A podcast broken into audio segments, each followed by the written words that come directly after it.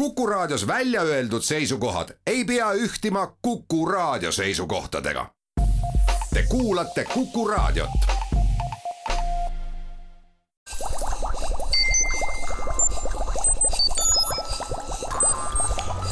kukkuv õun head Kuku kuulajad, Kukkuv Õun eetris. Meil on täna kaks külalist, Paul Liias ja Mari-Lee Hendrikson, mõlemad Majandusministeeriumist. esimene, Paul siis juhib kosmosevaldkonda selles ministeeriumis ja Mari-Lee on andmeteemade ja tehisintellekti nõunik. miks me oleme nad külla kutsunud, põhjus lihtne, kahekümne kuuendast kahekümne seitsmenda oktoobrini sel aastal toimus konverents, mille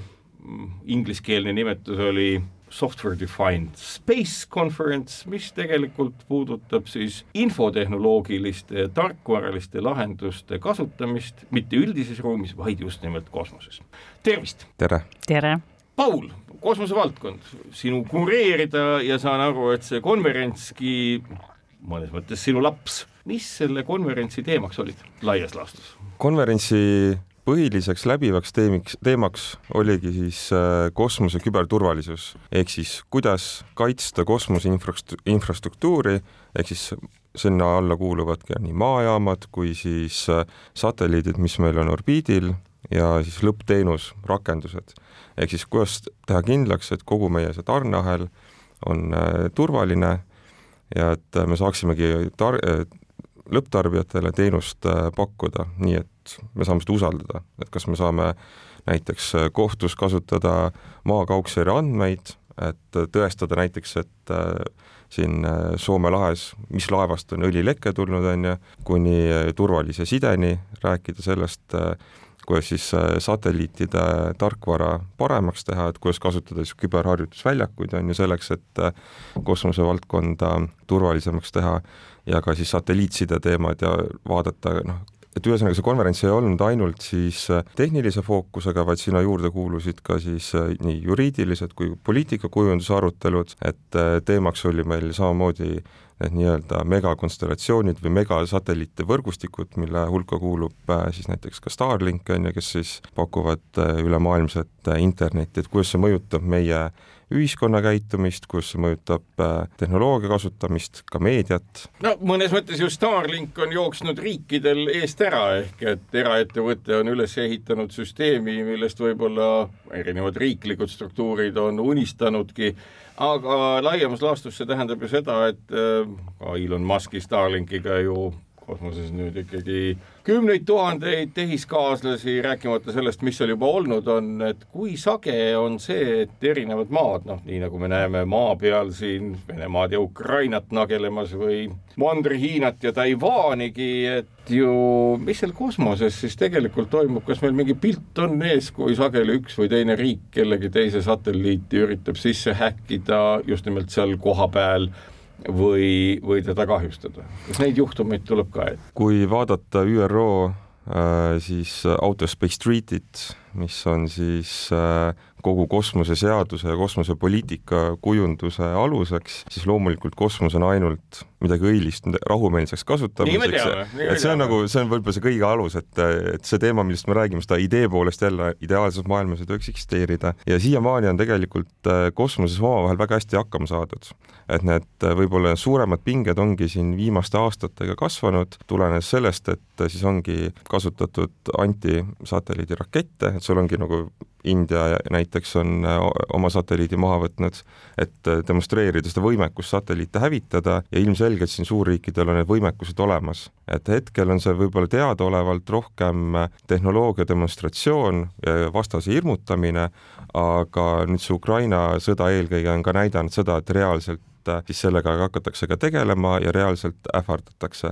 et meedias on ka juba läbi käinud tegelikult see, et et, et siis venelased on ähvardanud seda ja seda kuuleb ka tegelikult äh, kolleegidelt, et see on nagu reaalsed ohud. Ja see ongi nüüd teema, millega tuleb tegeleda, et siin paar aastat tagasi, kui me hakkasime Eestis selle kosmose küberturbe peale mõtlema, siis äh, osad äh, eksperdid väljaspoolt ütlesid ka, et Paul, et noh, ära raiska aega, et miks peaks keegi tahtma ühte teist satelliiti hävitada või rünnata, sest et noh, mis kasu sellest peaks saama, on ju, see ei tundu üldse loogiline, siis äh, tegelikult siin viimased kaks aastat on just näidanud seda, et äh, see on täiesti reaalne oht ja mõnes mõttes noh, me oleme siit Mariliga Majandusministeeriumist, ehk siis meie eesmärk ongi just tekitada Eesti ettevõtetele ju turgu. et me näeme, et siin valdkonnas on võimalik midagi teha ja see on ka põhjus, milleks MKM siin tegutseb, ongi sellepärast, et aidata Eesti ettevõtted, kes siin suudavad küberturbe valdkonnas tehnoloogiaid arendada ja teenust pakkuda, et need aidata turule. küsin veel siia juurde seesama ÜRO nimetatud kokkulepe, mida mainisid, mis aastast see umbes on, et äh, kui vana see on? see on aastakümneid vana, et seda hakati juba kuuekümnendatel kokku panema. seda, et kuuekümnendatel aastatel vedasid ju venelased või noh, Nõukogude Liit toona endale ju sinna kosmosesse kõikvõimalikke isegi tavapäraseid nii-öelda kahureid sõna otseses mõttes ja testisid nende kasutatavust, et ju kõik on rööbiti sellega, et on olnud see konventsioon siiski ju teinud kõikvõimalikke eksperimente, et kuidas ikkagi ühte või teist relva kosmosesse viia. jah, et kui aus olla, ega siis äh, suurriigid on ikka, vaatavad nendest konventsioonist, et see on nii-öelda see pehme seadus on ju, mida ei pea ilmtingimata kohe nagu jälgima, äh, et seal igaüks on ikkagi mingeid, äh, mingeid vigu tõesti teinud et äh, siin ma vastu sellega ei vaidle, aga, ja kindlasti see avakosmose leping siis äh, on võib-olla tänastele arengutele jalgu jäänud, aga seda uuesti avada ja hakata seda muutma, ma tõsiselt kõigil on hambad juba verel igasugustest konfliktidest ja keegi noh, mingit nii-öelda pehmet osa seal karmimaks ilmselt tegema ei tahaks hakata täna või? No ütleme nii, et see, seal on täpsustamise kohti pigem, et äh, mida tuleks nagu paremini defineerida, et mis asi on kosmoseobjekt,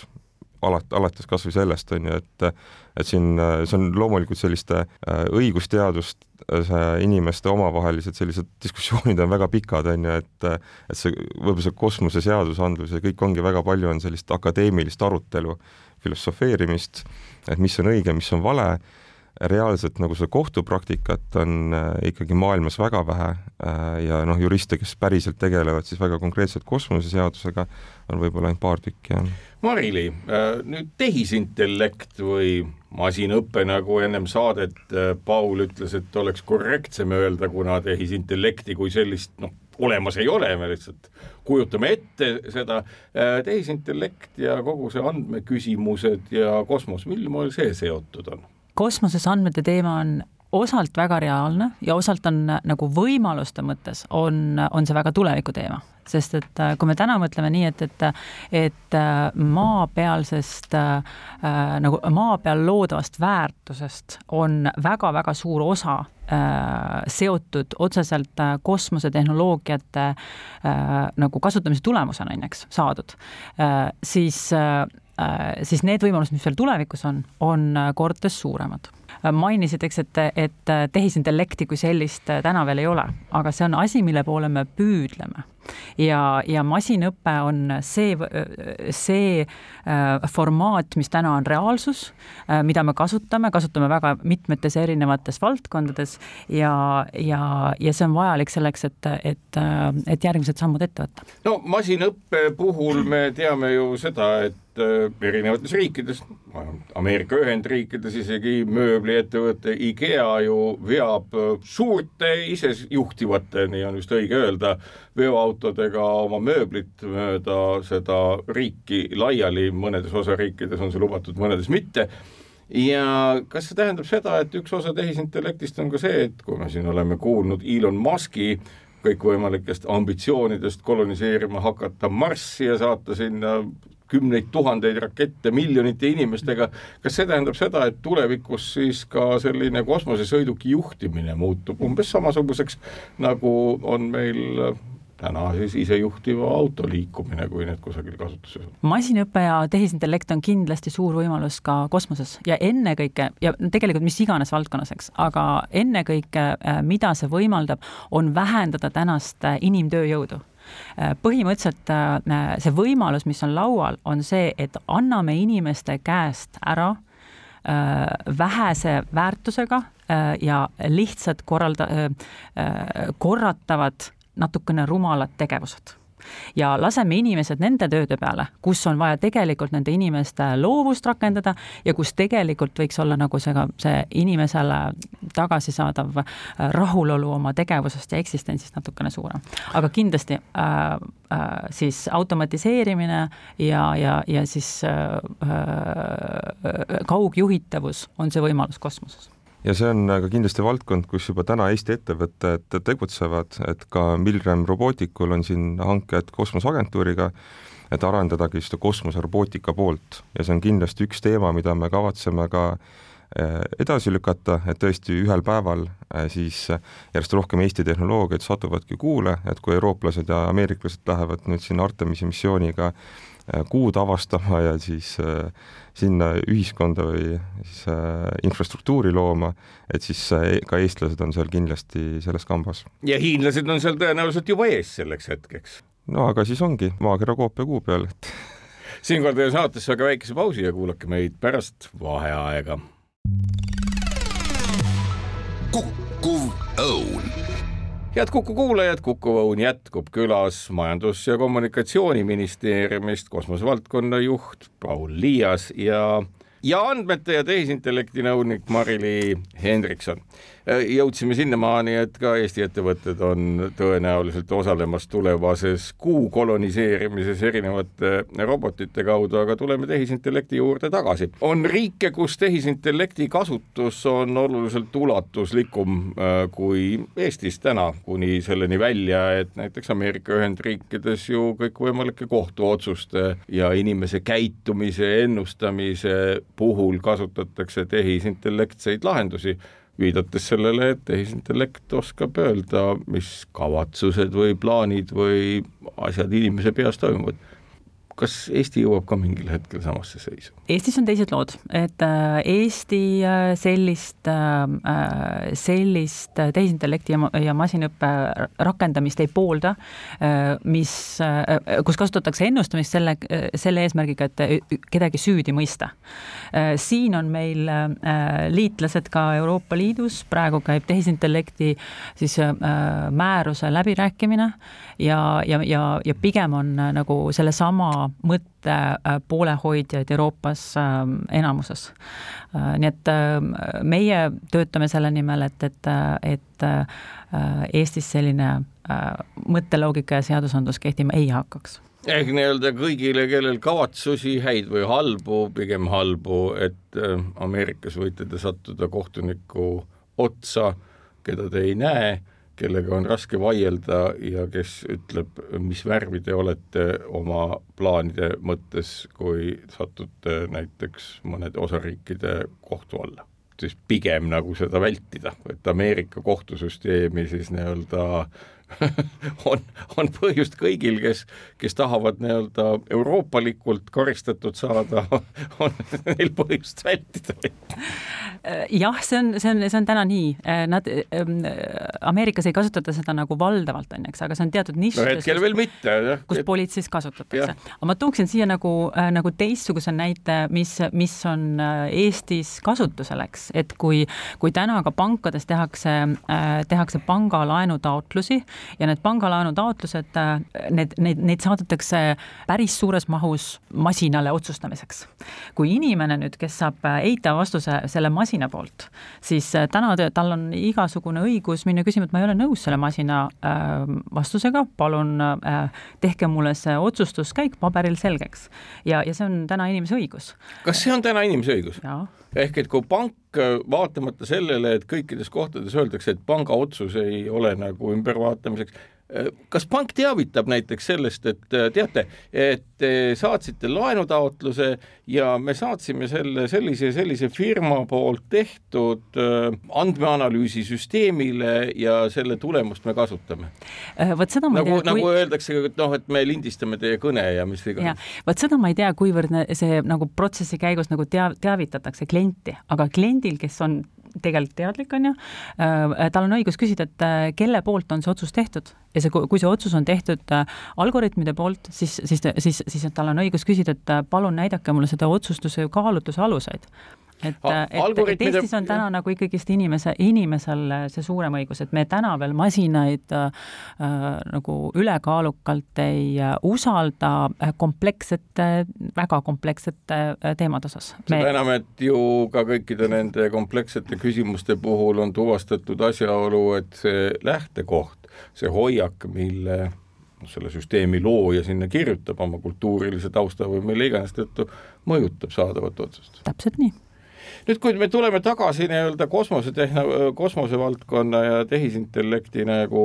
seoste juurde, siis äh, üks asi ju, mis on paras peavalu, ma kujutan ette, mingisugusel tavalisel moel lahendamiseks, on ju nähtus nimega kosmoseprügi, noh, mis saab olema aina tõsisem ja tõsisem küsimus igale järgmisele kosmosemasina orbiidile või sealt kaugemale saatjale, siis Kuu orbiidile näiteks saatjale ja Kuu pinnase saatjale, kui noh, ma ei tea, palju neid praegu seal on, aga see tihedus tõenäoliselt kasvab kas või nende samade Starlinki satelliitide ja kes teab, milliseid veel sinna saadetakse. kui palju nüüd tehisintellekt võiks olla abiks selles osas, et ka kogu seda virvarri jälgida, sellepärast et mingil hetkel ju kaob ära järg kui neid objekte on väga palju, nende liikumistrajektoorid võivad olla juhuslikud, seal võivad tekkida põrked, nad võivad noh, mis iganes juhtuda. see on Pauli lemmikteema. just, just, seda ma oletasin äh,. väga, väga tore teema, sellest me just eile ka konverentsil ka rääkisime. loomulikult tehisintellekt on üks osa, see ei ole nüüd kõige suurem osa võib-olla kosmoseprügist äh, või kosmoseprügi probleemi lahendamisest, aga see on üks osa, on ju, et kuidas me teame, et kosmoseprügi eksisteerib, et no seal ongi, selleks näidati radarid, laserid igast optilised teleskoobid, millega on võimalik siis tuvastada, mis meil siis orbiidil on. Ja sellest koostatakse suured andmebaasid. Ja siis äh, neid hakatakse simuleerima, et noh, kuidas siis noh, siis äh, need tükikesed orbiidil lendavad. Ja selleks kasutatakse ka siis masinõpet, et saada aru, et noh, kus ajalooliselt on olnud, et mis tulevikus võib olla, aga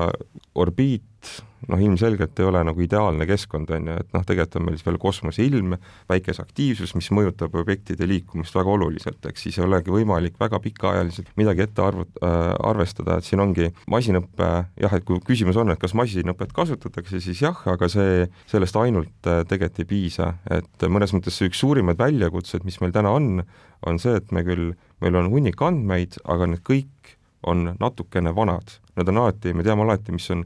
eile toimunud orbiidil, aga me ei tea kunagi, mis on tänane hetkeseis, et see on nagu mõnes mõttes niisugune nagu spekuleerimine. Ja eile konverentsil sai seda ka räägitud just, et kuidas seda probleemi ka lahendada, ongi vaja nagu eelteavitusi, et kui me räägime siin näiteks sellest, et kui satelliidi eluiga hakkab lõppema, eks, siis äh, mis sa teed selle satelliidiga, üks võimalus on sa jätad selle orbiidile, mis tundub nagu rumal, sest et siis sul jääbki nagu mingi prügi sinna tiirlema. aga enamustel puhkudel see täpselt nii ongi ju tänasel hetkel, ega neid ju sihipäraselt alla ei tooda, mis seda lisakütust ikka sinna kaasa just, panna, kallis no, ju. alla toob neid äh, Newton, et noh no mingi, mingi aja, mingi aja pärast. et äh, sõltub kõrgusest, on ju, et siis ta aastate jooksul tuleb alla, et kui ta maa madalal orbiidil on, siis mõne, mõne, mõne satelliidi puhul see eluiga võib olla isegi mingi viis aastat tegelikult ainult orbiidi eluiga, on ju. mõne puhul on see kakskümmend pluss, et seda missiooni tuleb ka õigesti disainida ja selleks on olemas erinevad tehnoloogiad, millega on võimalik siis seda äh, satelliiti orbiidilt alla tuua või isegi nagu orbiidilt siis maakera orbiidilt eemale viia. aga siin on ka see, et kui nüüd keegi peaks hakkama kasutama seda nii-öelda de-orbit tehnoloogiat, et satelliiti alla tooma, siis see tekitab ainuüksi ka ohu sest et kõik need, kes arvutasid nüüd,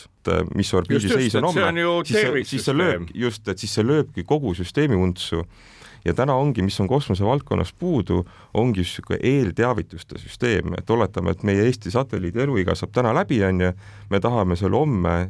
alla, alla tuua, siis tegelikult viisakas oleks, et meie saadame kõigile tea-, teate, et selle ajahetkel X tuleb Eesti satelliit alla ja meie arvutuste põhjal kokkupõrget ei toimu. Tulevikus võikski see asi just nii välja näha ja see on ka üks nišš meie tehnoloogiaettevõtlusele, kuidas siis sellisi, sellist nagu e-teenust arendada, et äh, kuidas satelliidioperaator saab äh, saata riigile selle nagu teavituse, et me hakkame seda tegema ja kuidas riik saab teavitada ka siis teisi äh,, teisi Euroopa ja ka noh, globaalset riiki, et see on nagu võib-olla see ka jälle see soov, et kuhu poole terve maailm peaks liikuma, see, kas me jõuame sinna nüüd äh, lähima paari aasta jooksul või kümnete aasta jooksul, seda on täna väga raske spekuleerida mis tähendab seda, et kosmoses kujuneb välja umbes samasugune süsteem, nagu on maa pealgi laevade ja lennukite jälgimiseks või et me teame siis ka tulevikus, mis asi kuskil kosmoses põhimõtteliselt uitab ja mõnede asjade puhul ei tea, ei tea, kus liiguvad sõjalaevad või sõjalennukid, et kas siis ka sõjalise otstarbega satelliidid jäävad sellest välja? kui tulla tagasi nüüd ÜRO lepete juurde, siis äh, ÜRO lepetes ei ole kindlasti niisugust asja, et militaarne objekt ja tsiviilne.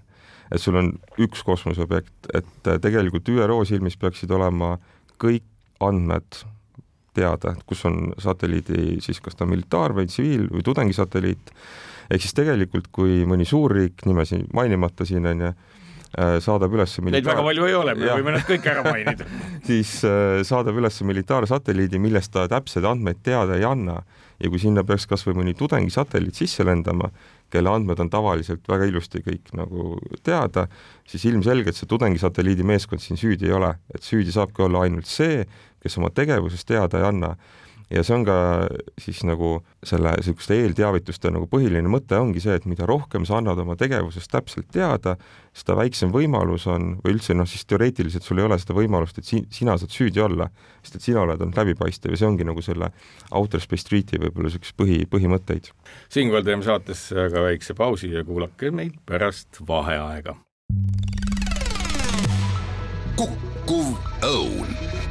head Kuku kuulajad, Kuku on taas eetris, külas äh, Majandus- ja Kommunikatsiooniministeeriumist äh, tehisintellekti nõunik Mari-Li Hendrikson ja kosmosevaldkonna juht Paul Liias. kõnelesime just sellest, et äh, olge oma edasiste satelliitide orbiidile saatmisel võimalikud avalikud ja kui te põrkate nende puhul kokku siis mõne salajase Vene või Hiina satelliidiga, millest teada pole antud, siis te süüdi ei jää kui tõenäoline see nüüd on, et näiteks Eestil täiesti iseenda satelliitide kosmosesse saatmise võimekus tekib ka kanderakettide ja muu asjaga või me ikkagi peame kellegi oma kasutama selleks, et oma kuubikuid või nendest tehtud jurakamaid äh, masinaid üles saata?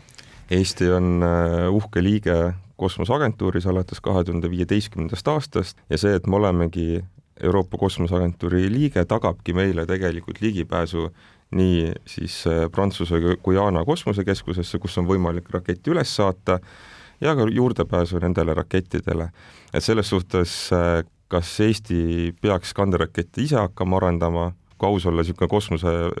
äh, fanatiline loomulikult ütleks, et noh, võiks, on ju, no Elon Muskil tuli see välja, ehitas kolm raketti, katsetas natukene Just. ja voilà, ütleme nii et..., äh, toodab nüüd tervele, tervele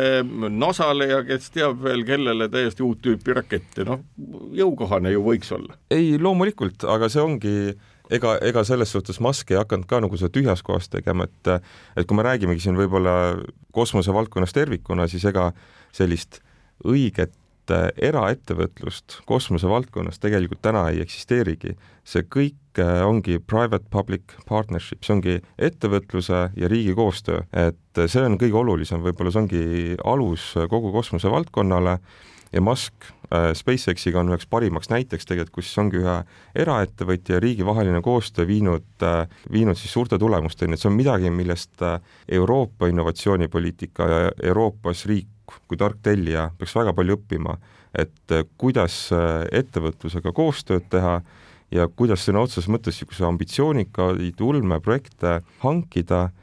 ja, ja nii viia siis Euroopa tehnolo-, tehnoloogiamaastik ja noh, ettevõtlus tervikuna täiesti uutele tasemetele, aga võib-olla see Euroopa väljakutse siin ongi niisugune konservatiivsus. see, et me julg-, me ei, me tahame alati olla nagu väga edukad, aga me julgeme põruda. et see võib-olla ongi olnud see Euroopa äh, kõige suuremaks äh, miinuseks siin viimastel aastatel. et me ei julge põruda? jah, et kardetakse, et see ongi see põrumine, kui sa õpid sellest, on see väga hea olnud, kui sa tead, mismoodi, mis, mis oli see viga, on ju, kuidas minna edasi, siis äh, põrumisest sa võid pigem vist isegi võita, et äh, see ongi võib-olla, kui nüüd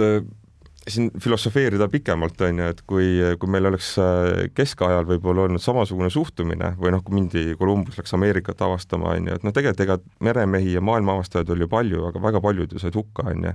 aga tol ajal inimest,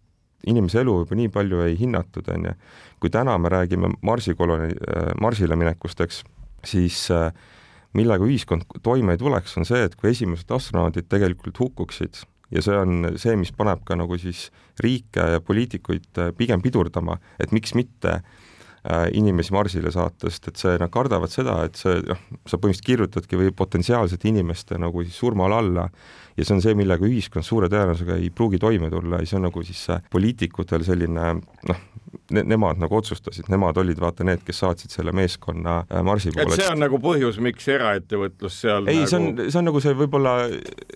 see, mis kosmosevaldkonna ühed väljakutsed, kui me räägime nagu, et ja. inimkonna mine, minekust teistele planeetidele. Marili äh,, andmetega seonduvalt üks natukene pikem arutelu, aga põhimõtteliselt küsimus on üsna omapärane ja äh, ka julgeolekuga seotud. nimelt äh, äh käesoleva aasta Nobeli füüsikapreemia üks saajatest, äh, Anton Zeilinger nimelt, kes on siis kvantfüüsikas äh, avastanud ja tõestanud nähtuse, milleks on kvantteleportatsioon, millise eest tema ka nii-öelda Nobeli füüsikaauhinna sai, koos teise kahe inimesega, kes said ka lähedaste tegevuste eest siis Anton Zeilinger on leidnud enda partneriks. Äh, Hiina õpetlased, noh, kes erinevate sealse kommunistliku partei asutatud uurimisinstituutides tegelevad lähedase teemaga.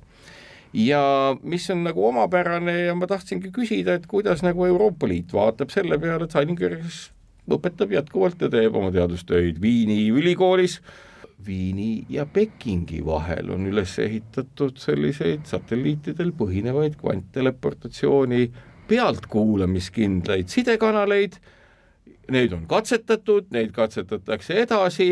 ja põhimõtteliselt meie sellises noh, nii-öelda turvalises Euroopa kodus on olemas üks üsna veider nagu link Hiina suunas, noh, mitte et sealt nüüd mingeid olulisi andmeid veel vahendatakse, see tehnoloogia alles areneb nii palju, kui olen aru saanud, aga siiski, meie partnerid tippkvanttehnoloogia arengus, mis puudutab pealtkuulamiskindlat, absoluutselt krüpteeritud sidet, on Pekingis, mitte Washingtonis. olen täitsa nõus, et see on äh, natukene äh, formaadist väljas, ütleme niimoodi selles mõttes, et, et täna äh, Hiinaga suhteid hoitakse pigem nagu äh, kas just avalikult lahus, aga, aga, aga, aga sisemiselt äh, kindlasti lahus Äh, kvantside arendamise teema Euroopas on tugevalt fookusesse võetud ja, ja nüüd siis ähm, äh, lähiaastatel veel äh, nagu veel suuremasse fookusesse pandamas äh,. kui nüüd Euroopa Liidu konteksti tulla, siis meil on digitaalse Euroopa programm, milles on eraldi suunitlus on siis ka kvanttehnoloogia arendamisel kust on hiinlased kindlasti väljas kui me räägime Eesti kontekstis ja turvalisuse kontekstis, siis äh, nagu Hiina ülemvõimu ja niisuguste nagu ähm, nende nagu riigi kavatsustest ollakse väga-väga teadlikud meie äh,, meie sisejulgeoleku teema ringkonna, ringkondades ja kaitseringkondades, nii et, et, et siin ollakse vägagi äh, ettevaatlikud aga nüüd konkreetselt seda juhtumit ja seda nagu konteksti, mille raames nad koostööd teevad, seda ma kommenteerida ei oska. see on jah käinud juba kümmekond aastat või väga pikalt ja, ja ma ei olegi aru saanud, mis seal see taust on, kas siis Euroopa Liit on olnud Seilingeri tööde suhtes või siinsed rahastused äh, kiduramad või mitte, aga Seilingeri üks ideedest, mis on noh, päris huvitav, noh jällegi, kuidas käsitleda seda julgeoleku kontekstis, ma ei oska öelda, aga nii-öelda pealtkuulamiskindlate sidekanalite tekitamine, aga mhm. see on pealtkuulamiskindel kõigi jaoks eeldab siis selle Zeilingeri hüpoteesi kohaselt, et nii maa peal kui kosmoses on siis arvukalt satelliite, mis suudavad tekitada neid nii-öelda kvantpõimitud osakesi, mille nii-öelda oleku muutustega ongi võimalik nii-öelda pealtkuulamiskindlalt andmeid edastada mm. -hmm. et kas sa tead näiteks midagi sellisest plaanist, et kas see kvantside, no üks asi on kvantarvuti mm, -hmm. et mhm. noh, riikidel on mm -hmm. mingisugused ligipääsud väga kiiretele ja tohutu võimekusega arvutitele, aga side koha pealt, kas seda nagu ka siis sisuliselt arutatakse, sellepärast et pealtkuulamiskindel side tähendab pealtkuulamiskindlust kõigi jaoks, kahjuks ka eriteenistuste jaoks Äh, see on kindlasti teema, äh, mitte et ma selles teemas nagu ise ekspert oleks, eks, aga äh, see on, see, see on kindlasti teema. nüüd kui tuleme kosmosevalla juurde tagasi, siis needsamad kuupsatelliidid või see standard, mis kunagi, ma ei tea, millises Ameerika ülikoolis välja mõeldi, aga nii-öelda, et satelliit võib olla väike või väga väike või väga-väga väike vist isegi tänasel päeval, ma ei tea, milline see kõige väiksem satelliidi mõõt on, kas see on nano või mis iganes sealt edasi tuleb, aga kui suurt perspektiivi siis näiteks pidades ka Eesti kosmosetööstust silmas sellistele noh, nii-öelda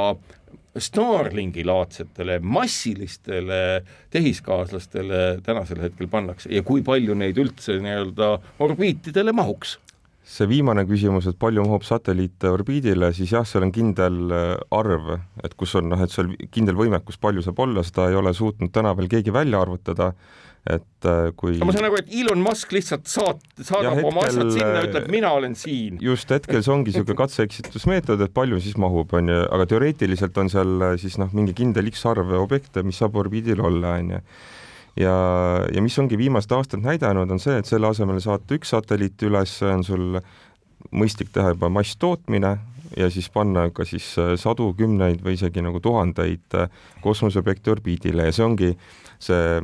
mõnikümmend aastat tagasi tehtud äh, kuub, kuub, küüpsatelliitide disain äh,, disaini niisugune spets-, spetsifikatsioon, see mõnes mõttes ongi kogu selle alus, et äh, sellest saigi al-, alguse põhimõtteliselt selline kosmose standardiseerimine, et sul on mingi liides, mismoodi äh, see väike satelliit liidetakse kanderaketiga ja sealt saidki alguse kümned iduettevõtted, kes hakkasid neid võrgustikke ehitama. Nüüd äh, see tundub, et jah, et loomulikult see ühe või viiekilone satelliit, et see on ju noh, väga odav, on ju, siis äh, ei vasta tõele, et selle, sellise suuruse ülessaatmine ei ole tead kõige odavam,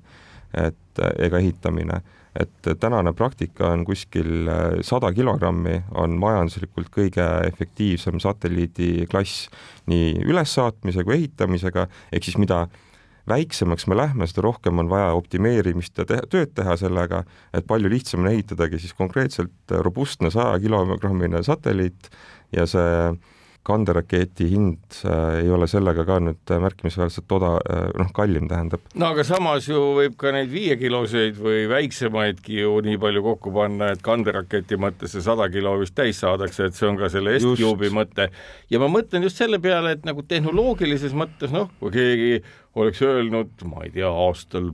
tuhat üheksasada üheksakümmend viis, et paneme kõik asjad ühte väikesse niisugusesse asja, millest saab nagu telefon, kõik oleks käega vastu laupa löönud, oh pagan,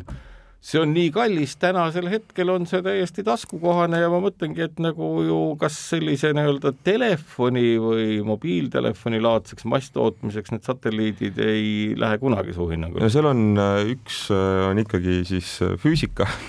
et äh, mida on vaja, et satelliit töötaks, on vaja energiat, energiat ja selleks on vaja päikesepaneele ja sa ei saa teha päikesepaneeli lõpuks väga väikest, on ju. sul on vaja energiat, et teha maakerast pilti radariga või optilise seadmega ja see saata maa peale ja sellepärast ongi vaja suuremaid satelliite tegelikult, et sul on vaja siis nagu suuremaid päiksepaneele panna no, seal on ju ka tehnoloogiaid, mis rullivad ennast lahti ja noh, ütleme selles mõttes nagu väljakutseid ju meeletult. ei loomulikult, ega kõiki neid arendataksegi, et olen isegi näinud neid äh, rullivaid päikesepaneele ja see kõik ongi äh, arenduses, eks me näeme, kuhu poole see läheb ja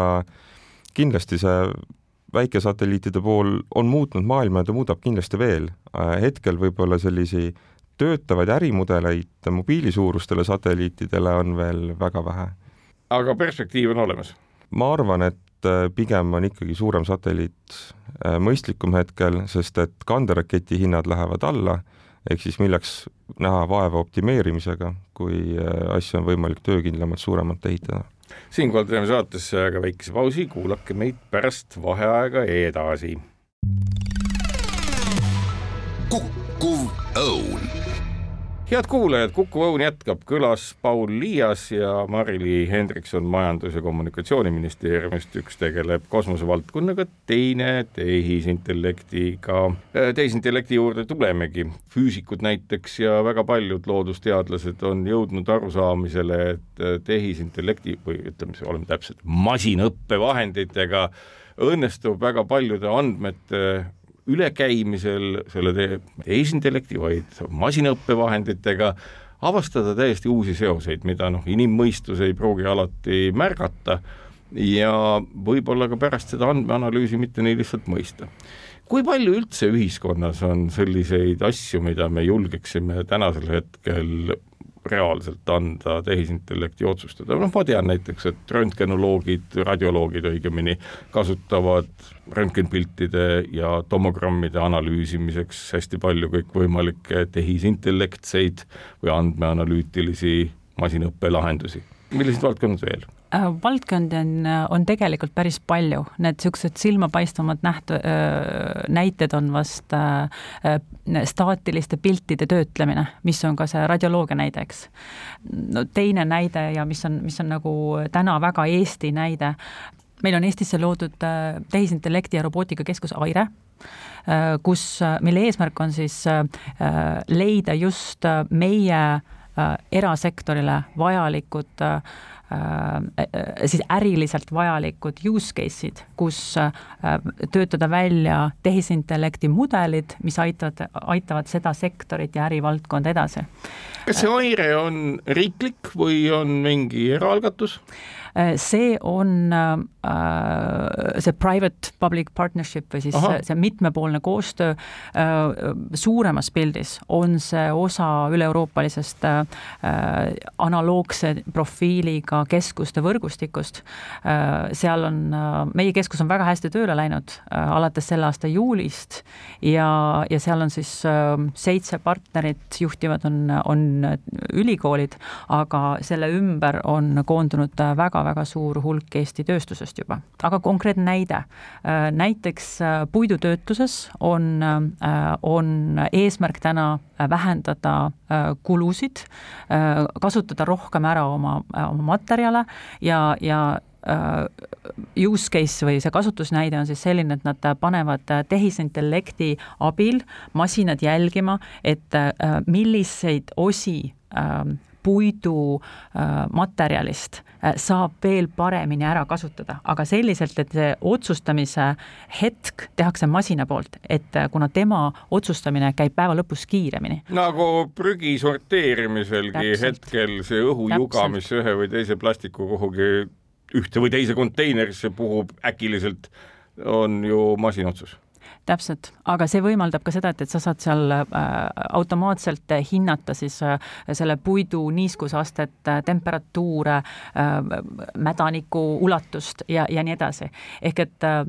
mis on masinik, äh, masinõppe kasutamisel raskus täna, on see, et, et, et äh, algoritmide õppi, õpetamiseks on vaja väga-väga palju tööd. enamus massist, nagu kogu töö mahust seitsekümmend protsenti läheb sinna selle andmete sisse tööt-, sisse söötmiseks. kui need andmed on korrektsed, siis tuleb ka algoritm korrektne, ta hakkab tegema õigeid otsuseid, mis võimaldab äh, teha, tähendab siis päeva lõpus kulusid kokku hoida. ma tulen äh, nüüd ka taas selle masinõppe ja kosmose vaate juurde tagasi mõlema puhul nii-öelda kommentaare ootaks. no jätkuvalt on meil ju küsimus äh, kliimas, nendes protsessides, mis maal toimuvad,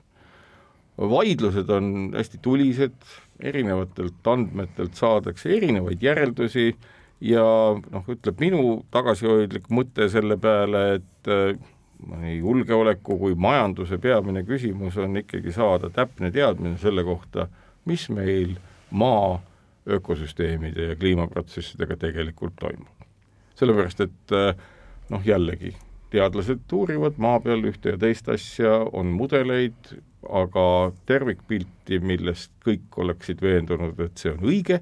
noh, ma ei ütle, et ei ole, aga seda on võimalik alati väga lihtsalt rünnata ja öelda, et aga näete, seda asja pole veel vaadatud, seda me ei tea. kui kaugel me oleme täna sellest, et meil samamoodi, nagu sa, Paul, kõnelesid, et on nendest nii-öelda satelliitidest selline eneseteadlik vaade ja tulevikku suunatud vaade, on meil siis mingil hetkel olemas äh, kliima- ja ökosüsteemi protsessidest, sellepärast et noh, üks asi, mis paratamatult muutub majanduse osaks, on ju selle aasta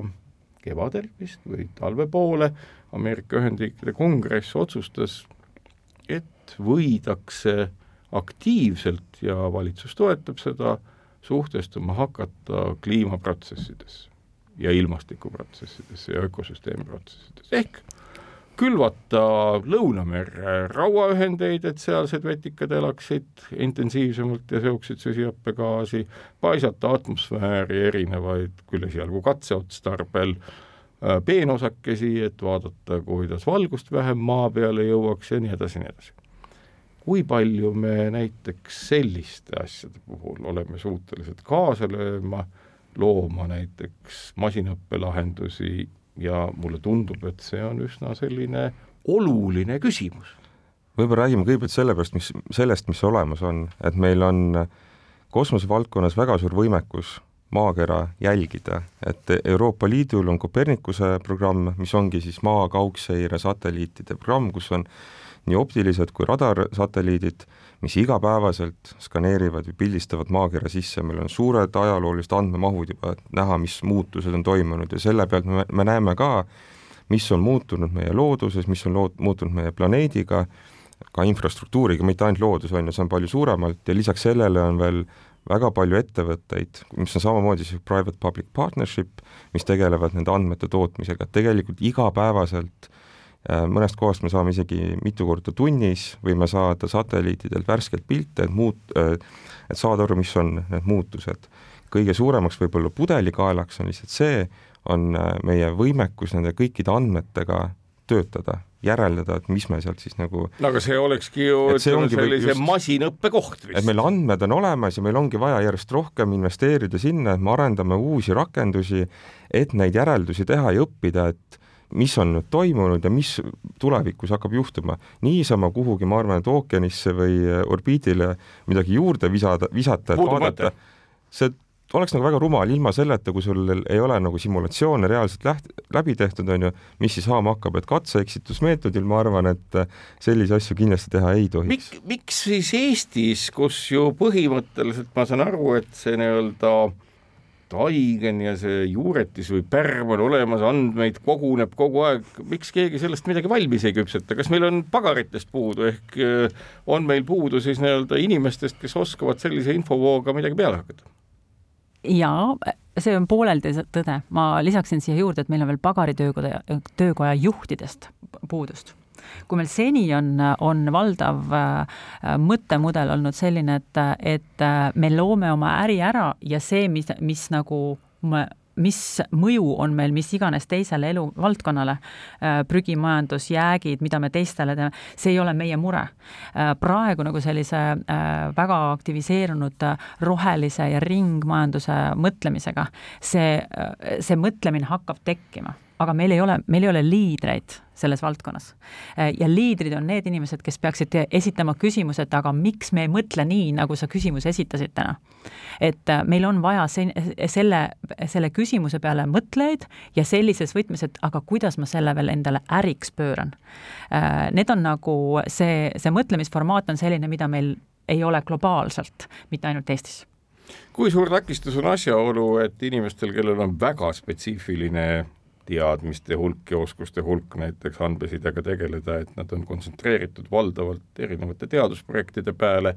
ja sealt äraminek tähendab inimesele tänases, noh, ma ei tea, kas nüüd ainult Eesti, võib-olla ka kogu Eesti, Euroopa teaduskorralduses seda, et tal nagu teadusse tagasiteed ei ole, et kui sa kord nagu libastud, noh, ma ei oska öelda, nagu lainelaudur, et kui sa kord vette kukud, et siis sa oled vees. et äh, teadlastega on sageli ju niimoodi, et nende karjäär on üsna kitsas valdkonnas, nad ei julge minna äritegevusse, kuna nad tunnevad, et neil ei ole tagasiteed ja nad ei näe kindlust see on hea küsimus ja, ja Majandus-Kommunikatsiooniministeeriumis me te, selle küsimusega osalt tegeleme, küll nagu toetades äh, siis haridus-teadusvaldkonda, eks. Äh, aga see võimalus, mida me ja teekond, mida me soovime teadlasele pakkuda, on, on koostöös teaduse, tähendab siis tööstusega minna oma äri võimalust realiseerima on riike, kus see asi töötab väga hästi, äh, muidugi siis see tähendab seda, et, et see, selle teadlase ähm, noh, eesmärk ongi oma seda äripotentsiaali äh, realiseerida. no ja... tavaliselt äriga vahel läheb kehvasti, siis ta tahaks nagu teadusse tagasi minna, aga siis ta on nagu, nagu noh, kuidas ma ütlen, nagu välja heidetud sellest kogukonnast, kuna ta ei ole publitseerinud ja need kriteeriumid on hästi sellised nagu ütleme, kitsarpiirilised. ma tahaksin siin nagu, äh, ma tahaksin siin protestida. aga palun, jaa et, et äh, jah, äh, teadlastelt nõutakse publikatsioone ja, ja, ja see on või noh, see on nende tegevuse töö tulemuseks. aga kui inimene läheb ärivaldkonda, siis ega ärivaldkonnas, noh, toome siin praegu heli näide, näite, kes on siis äh, äh, välja töötamas ja tu-, siis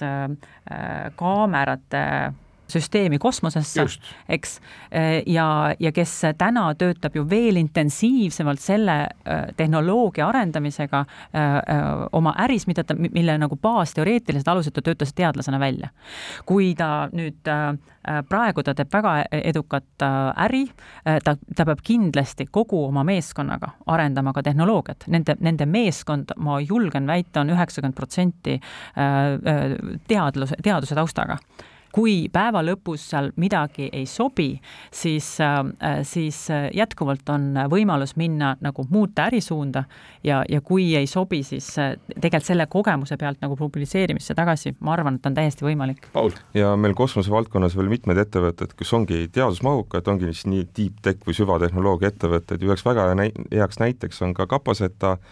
mis tegeleb maakaugseirega, täpselt sama andmete analüüs ja see on ka, ma olen alati naljatanud, et see on mõnes mõttes äh, teadusgrupp, mis on OÜ vormis, et nad publitseerivad ja neil on tõsiselt äh, teadmismahukas ettevõte, et äh, isegi kui sealt pärast inimesed tahavad teadust tagasi liikuda, mida ma arvan, et isegi ka teevad, siis siis see kõik on võimalik, et see võib-olla ongi inimestega selles mentaliteedis kinni, et mõni ongi niisugune sündinud teadlane, kas ta on ettevõtte juures mingi aeg, kas ta on ülikooli juures et äh, igaüks leiab endale võib-olla selle kire lõpuks. aitäh, Paul Liias ja Mari-Li Hendrikson tulemast Kuku Õuna saatesse, sellega on saade läbi. kuulake meid jälle nädala pärast ja kaunist päeva teile!